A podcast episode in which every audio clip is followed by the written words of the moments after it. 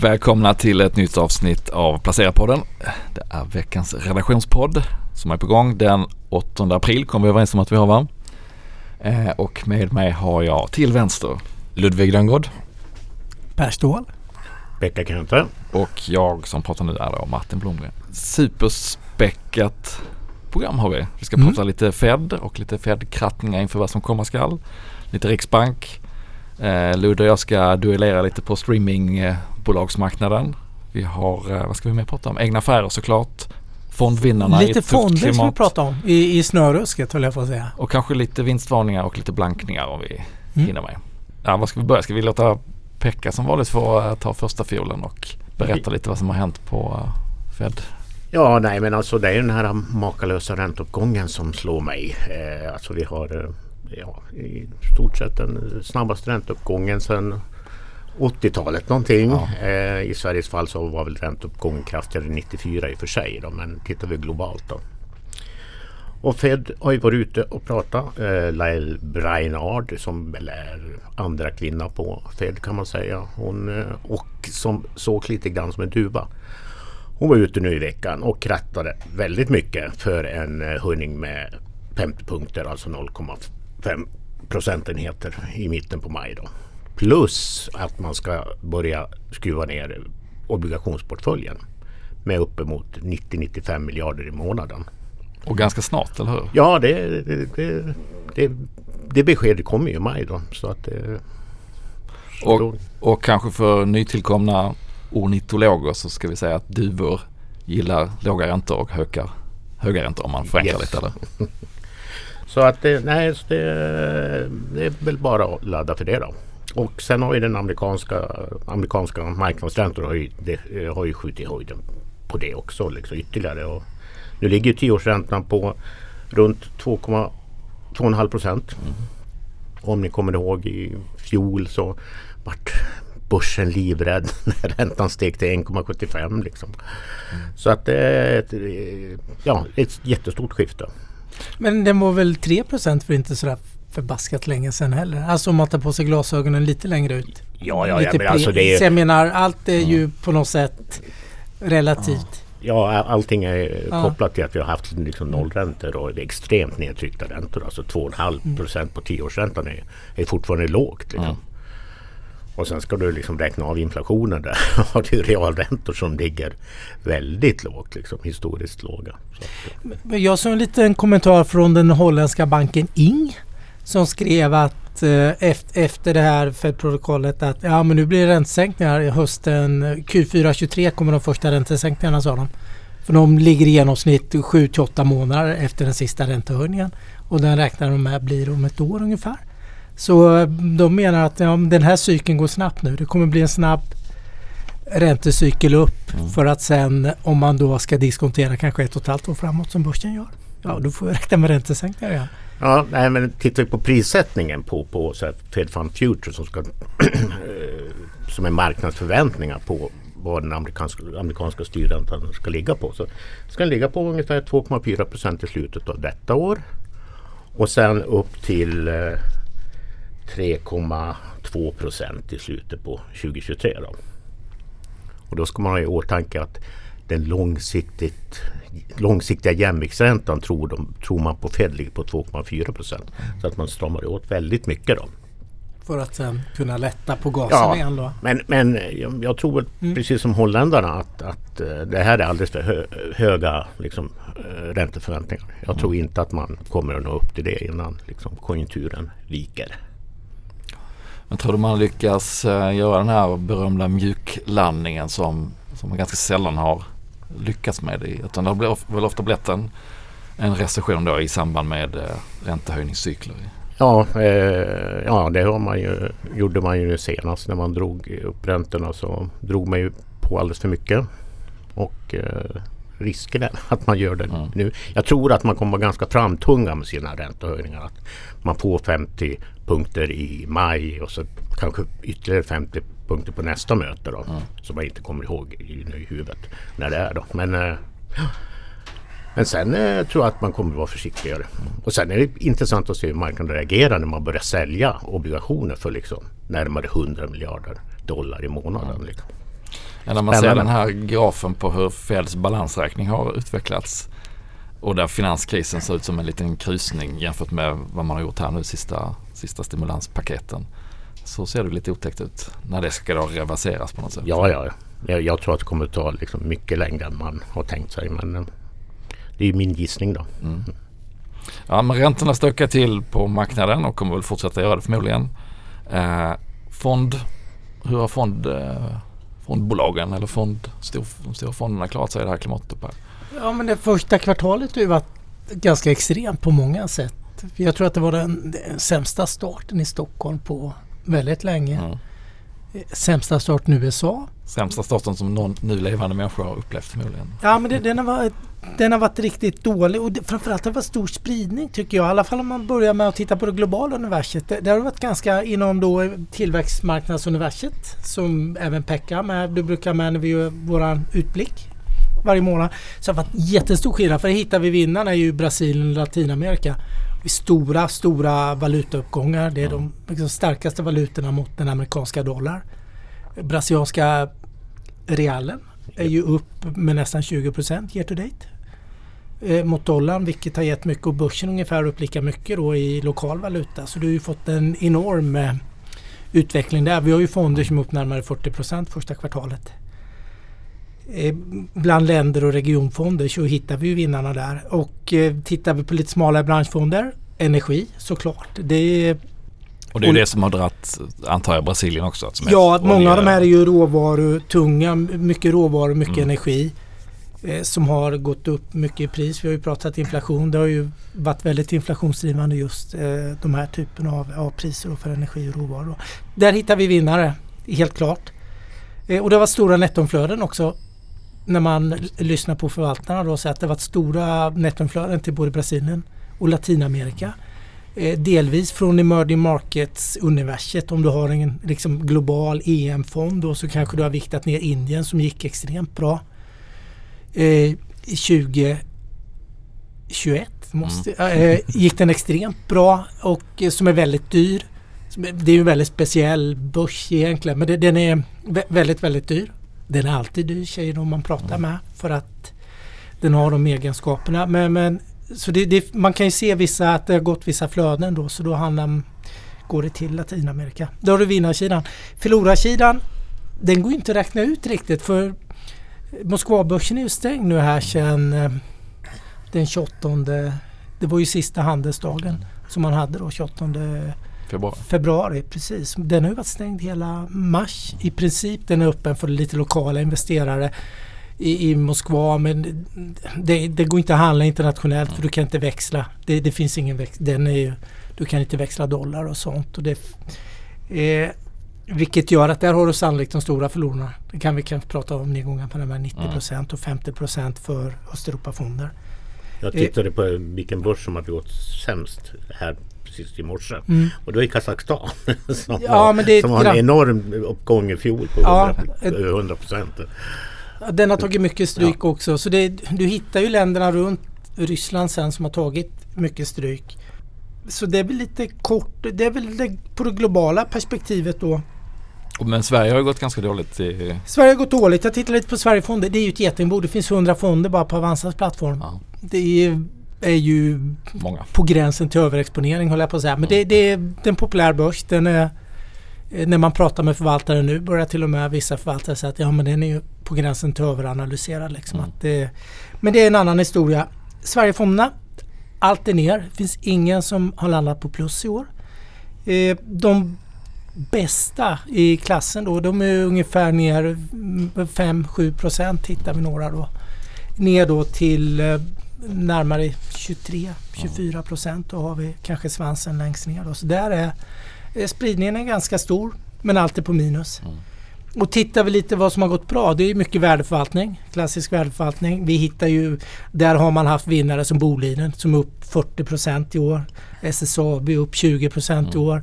Man har varit ganska tunga AstraZeneca som är upp tror jag 25 procent. Så det, det, det, finns ju Telia och operatörerna har väl också klarat sig skapligt. De, de här defensiva aktierna har också klarat sig bra. Jag tittar någon hade mycket Lundberg-företagen. Jag hade ingen aning. Den är ner tror jag 4 procent year to date.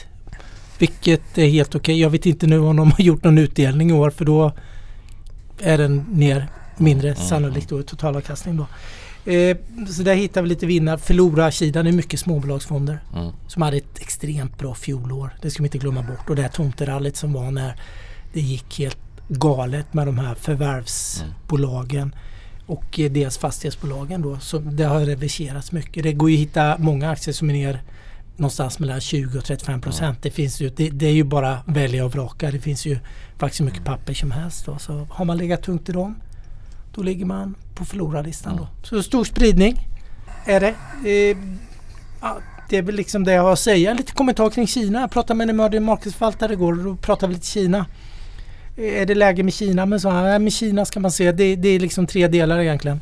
ADR sen de som är på, den, eh, på ny, de amerikanska börserna. De är Alibaba och Pinduoduo och allt vad de heter. De bolagen är helt nedbombade, extremt billiga. Hongkong lite lite dyrare. Men tittar man på de här kinesiska A-sharesen då som är på de här lokala börserna så är de fortfarande ganska dyra faktiskt. Då. Så Kina ser billigt ut säger han vid en första anblick.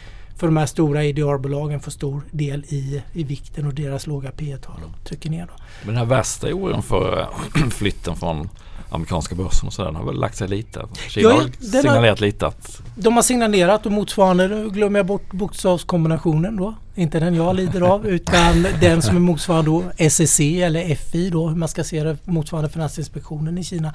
Där har man ju då sagt att man ska lätta, man ska följa den amerikanska Finansinspektionens krav på redovisningen då, öppna upp och göra den till riktig amerikansk standard så man kan se också ägandet hur man vill ju komma åt och se vilka med det statliga ägandet och sånt. Då, mm. Så att böckerna och där har man fått signaler om nu att det ska lättas vilket gjorde ett litet rally tror jag i början på veckan mm. här, om jag inte missminner mig.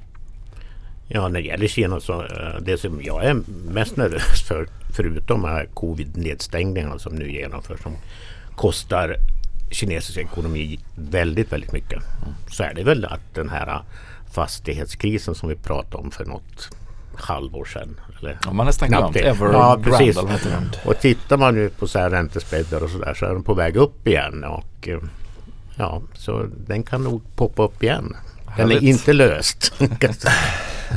ännu en, eh, eller vad ska man säga, ännu en del i shitstorm som har drabbat oss 2022.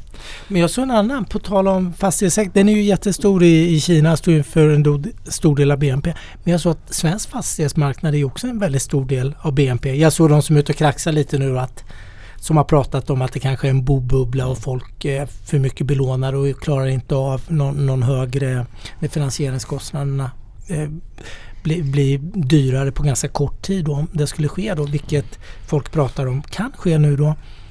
Eh, och då såg jag bara någon kommentar att det är svensk BNP är ju mycket fastighetsdrivet. Eh, av det. Har du någon, ja. några tankar kring det Pekka? Ja, nej men det, det märkliga statistik kom ju med siffror nu på morgonen och eh, bostadspriserna var upp även i mars. Mm. Jag trodde väl kanske att man skulle se eh, kanske till och med minustal givet liksom höga energipriser och Riksbank som flaggar för räntehöjning. Men eh, ja, nej, men fastighetssektorn är väldigt stor och jag tror inte att jag vill eh, jag vill inte sett det. Alltså om du menar även kontorsfastigheter och sånt där. Mm. Mm. Nej men det, vi får se hur det utvecklas nu när räntorna stiger. Vi ser ju att fastighetsbolag har tagit ganska mycket stryk mm. i den här ränteuppgången. Mm.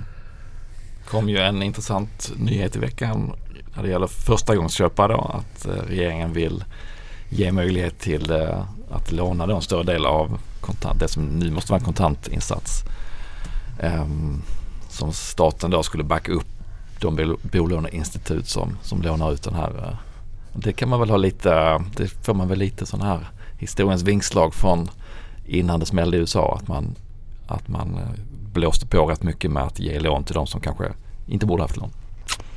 Men jag vet inte, vad säger du Pekka? Är det rätt eller oroande? Eller? Ja, jag tror att ställer mig kanske lite tveksam till den åtgärden. Men andra så tyckte jag att man tog i lite för mycket när man införde de här amorteringskraven och sådär. Mm. Det är ju extremt dyrt för den som ska in på Stockholms bostadsmarknad. Liksom. Det är ju knappt man klarar det med en lön liksom, att mm. köpa sig en liten lägenhet.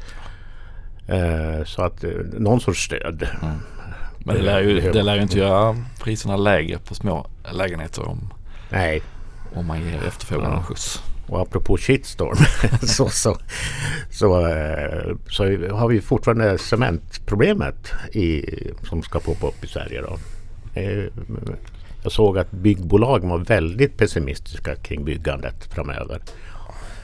När, om nu inte Cementa får fortsätta med produktion på Gotland. Så det var också en sån här liten godbit. Mm. Det är många godbitar som Ja, ligger där i ja. kulisserna som kan dyka upp igen. Men eh, vi utlovade en streamingduell. Vi får Ja. se. Vi, jag tror vi tycker ganska lika. Men Ja, Ludde, du har kollat på en av de riktiga bjässarna på, på det området. Mediabjässen Disney. Disney ja. Eh, så de, men de är inte verksamma inom bara liksom det här streamingtjänster utan det är ju typ så här 20% av omsättningen är ju liksom streamingtjänsterna som Disney tillhandahåller. Och resten?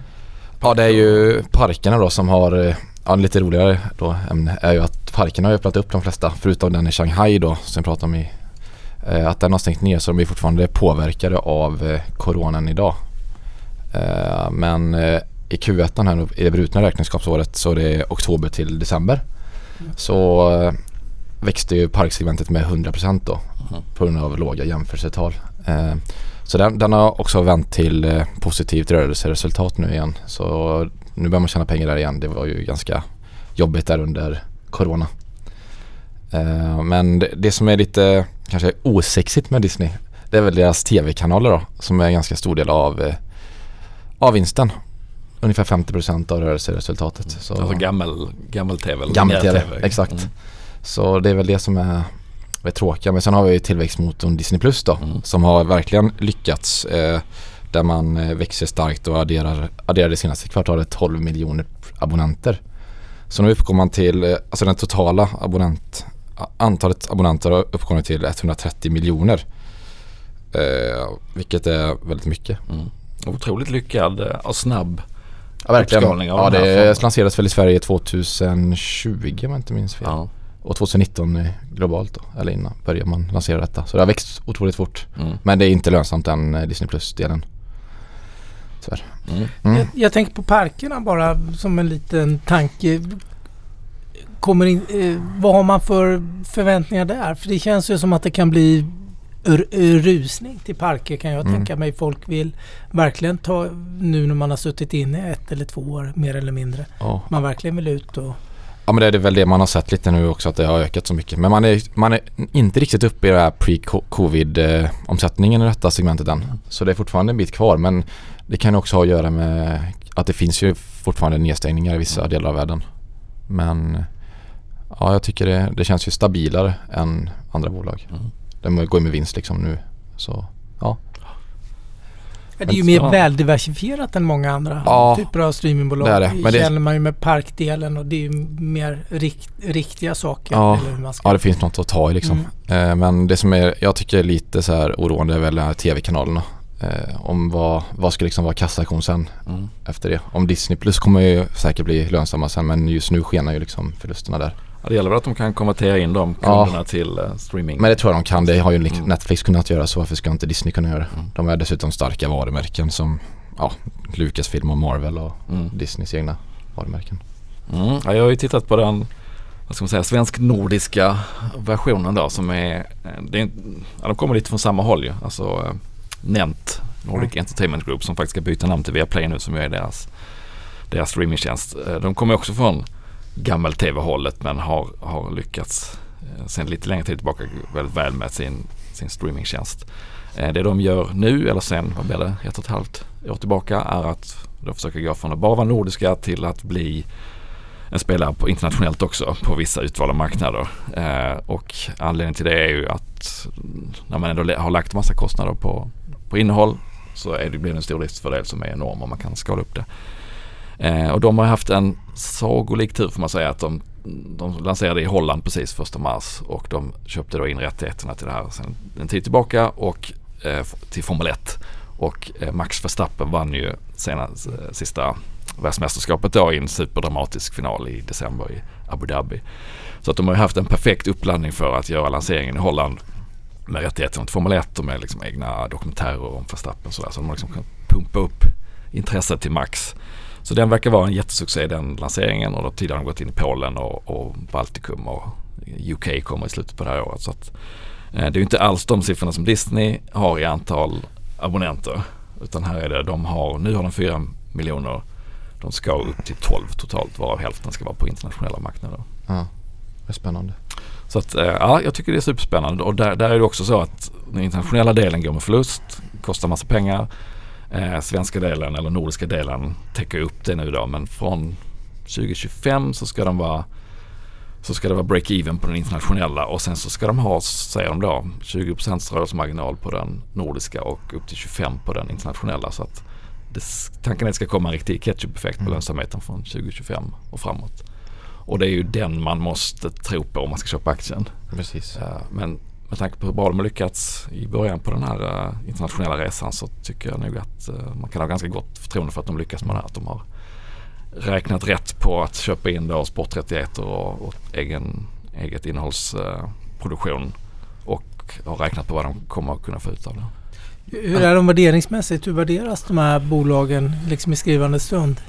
Alltså på Nent eller Viaplay vad man nu vill kalla dem så, så ser det ju snordyrt ut på 2022 eftersom det är ett så tunga investeringsår nu. Men eh, 2024 när det liksom börjar släppa på lönsamheten så är det P talet ner på 19 ungefär. Och sen så ska det ju då skena åren efter. Så att man måste ha förtroende för den här 2025-planen. Har man det så är värderingen rimlig tycker jag. Eh, men det är inte, i, i år ser den väldigt dyr ut. Mm. Så kan man väl sammanfatta Ja, Disney har väl ett P-tal på 30 på innevarande år. Men det sjunker väl också snabbare om man får snurr på Disney Plus och parkerna kommer igång ordentligt och så. Mm. Så ja. Sen är det ju så att eh, detta är ju inte en sån här att det blir en monopolmarknad detta. Utan det kommer ju finnas massor med spelare i hela världen tror jag. Ja precis och det, och det ser man. Det är ju en, en av kalkylerna i deras expansion också. Att de ser ju hur antalet streamingtjänster som varje hushåll har har gått från att det kanske var en eller två till att mm. USA kan upp mot fem ibland. Så att det finns en, eh, det finns en förståelse och en mognad i marknaden att man, för hur streamingtjänsterna fungerar. Så att, att komma in på skapligt mogna marknader är nog ganska tacksamt för att folk vet, vet vad det gäller. Om man tittar på innehållet, är det bra innehåll så är man beredd att, att betala och ganska snabbt uh, ta till sig det. Precis. Så att jag tror det båda de här tycker jag är, är ja, intressanta case. Sen är det ju som vi pratat om i andra sammanhang så kom, hur kommer konsumenten att må det här året med tanke på alla andra kostnader som skenar. Så det gäller att man har innehåll som, som är värt att betala för annars så sticker man ju. Men det här kanske är prioriterat innehåll och det kanske blir vinnare ändå. Om, om, nu kanske vi då med alla skenande priser. Jag såg nu att matpriserna liksom, det var upp 14 procent nu i mars och det har aldrig hänt förr på global mm. bas. Eller det, eh, men om det gör att man har lite mindre i plånboken då kanske man eh, reser mindre, går ut på det, allt det här man mm. har tänkt att göra nu då. Men man kanske får, vi är ju lite härdade nu får man mm. väl säga. Vi är lite härdade att sitta in och göra lite göra det så bra som möjligt in. Att de här tjänsterna ändå har lite att de tjänar lite på att det kanske blir recension som du är inne på eller som de här kurvorna indikerar då tvååring och tioåring när de skär varandra. Jag tror det. Så länge eh, det blir tillräckligt, inte för hårt. Om man blir av med jobbet då kanske man funderar på vilka tjänster man ska ha kvar. Men en, en liten mild eh, avmattning då tror jag att man Speciellt i, i sportvärlden då, där folk är väldigt lojala med sin, den sporten man följer eller de lagen man följer så ska det rätt mycket till för att säga upp det här. Det är kanske det det sista roliga man har då tycker man. Ja men det är det och du sitter hellre inne och tittar på fotboll en lördagkväll och går ut och ja. spenderar pengar då som du kanske inte känner att du har på samma sätt mm. då för att du har mindre köpkraft. Ja, ja precis. apropå inflationen så får vi en svensk inflationssiffra i nästa vecka. Och eh, allting pekar på att inflationen, eh, KPIF då, som är Riksbankens inflationsmål, kommer att ligga på eller strax över 6 procent. Så det är en, och det kan ju vara sista spiken i kistan för, för Riksbanken att faktiskt höja räntan i april. Ja. Redan i slutet av den här månaden. Otrolig utsväng alltså från 2024 ja, ja, till mm. april 2022 på några månader. Ja nej, det, nej, nej det, någon sån svängning har man inte varit med om. Lite grann har man varit med om åt andra hållet. Mm. Att, så att säga. Man har fått chocksänka någon mm. gång. Liksom. Men, men det känns som det här är den hetaste månaden, den sista halvan nu. Du pratar KPI-siffran och sen Riksbanken nu. Det har aldrig varit så, eller på väldigt länge, så intressant känns det ju som att det, du vill se siffran.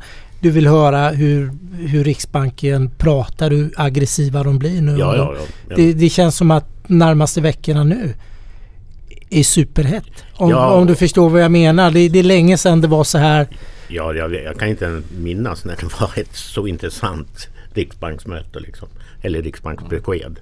För att det har ju varit man har ju suttit still i båten som det heter i, i många år nu. Liksom.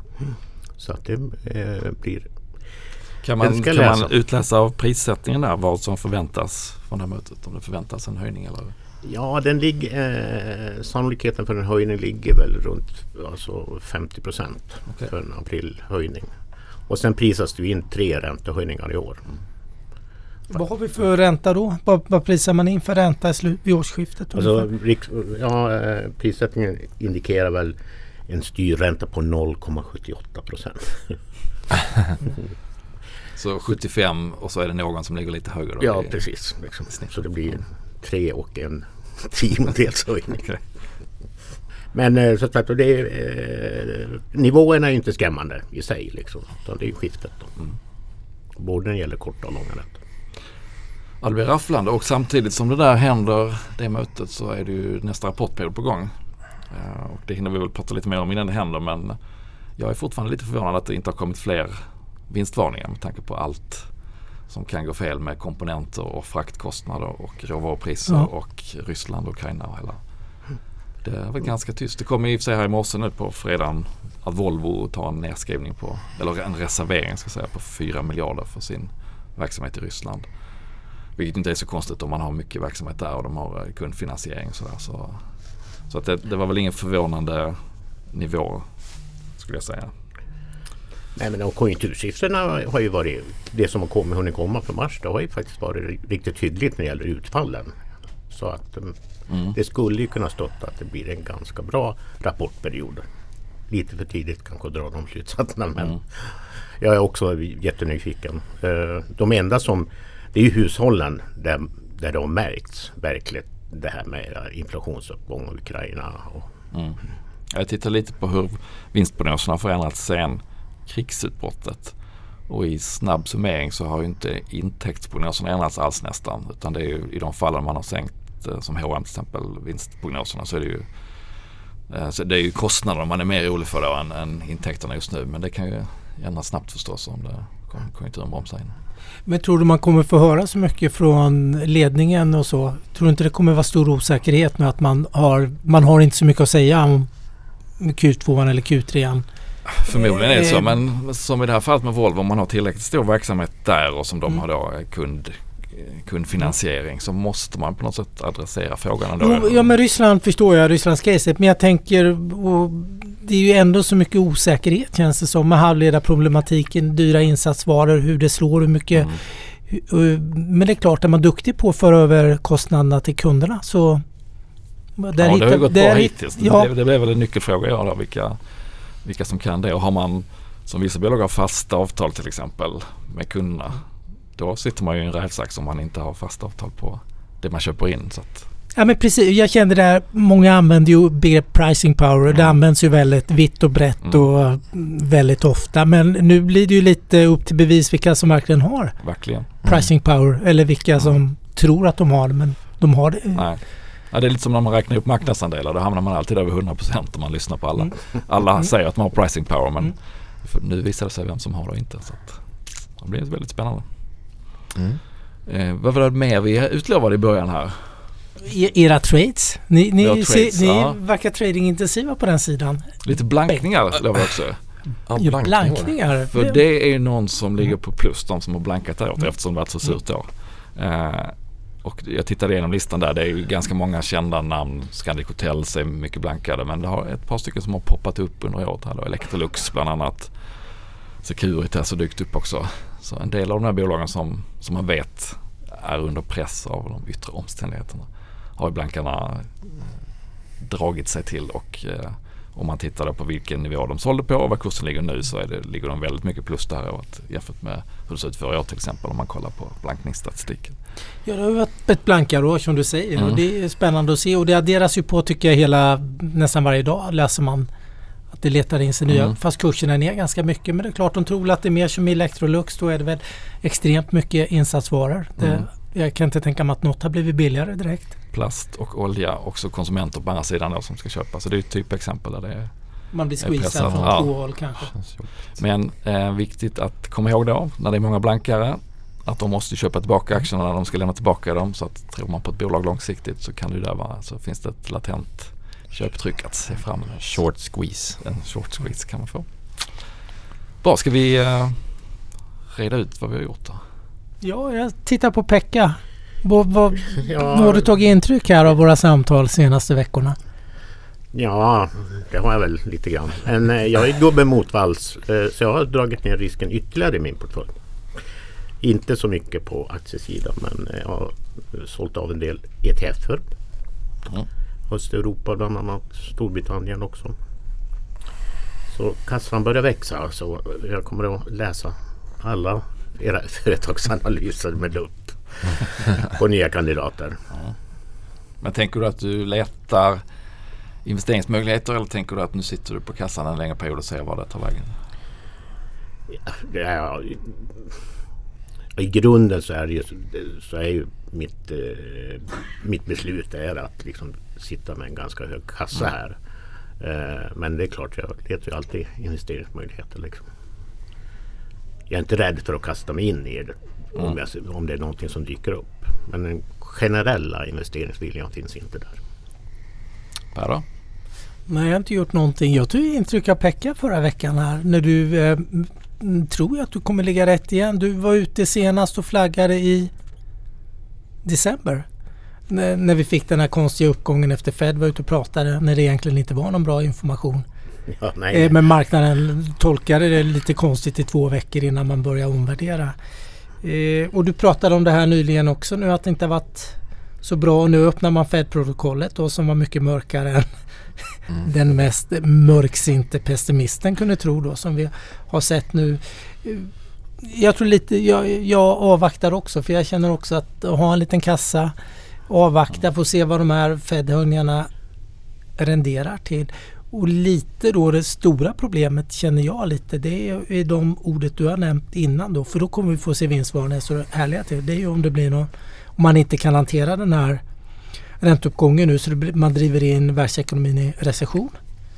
Då lär vi ju få se så mycket vinstvarningar så att då lär det skjuta vilt tror jag. När, Ja, nej men alltså den här, äh, även fast kanske företagsledarna inte kan säga så mycket om Q2 och Q3 så är jag jätteintresserad av vad man säger i Q1.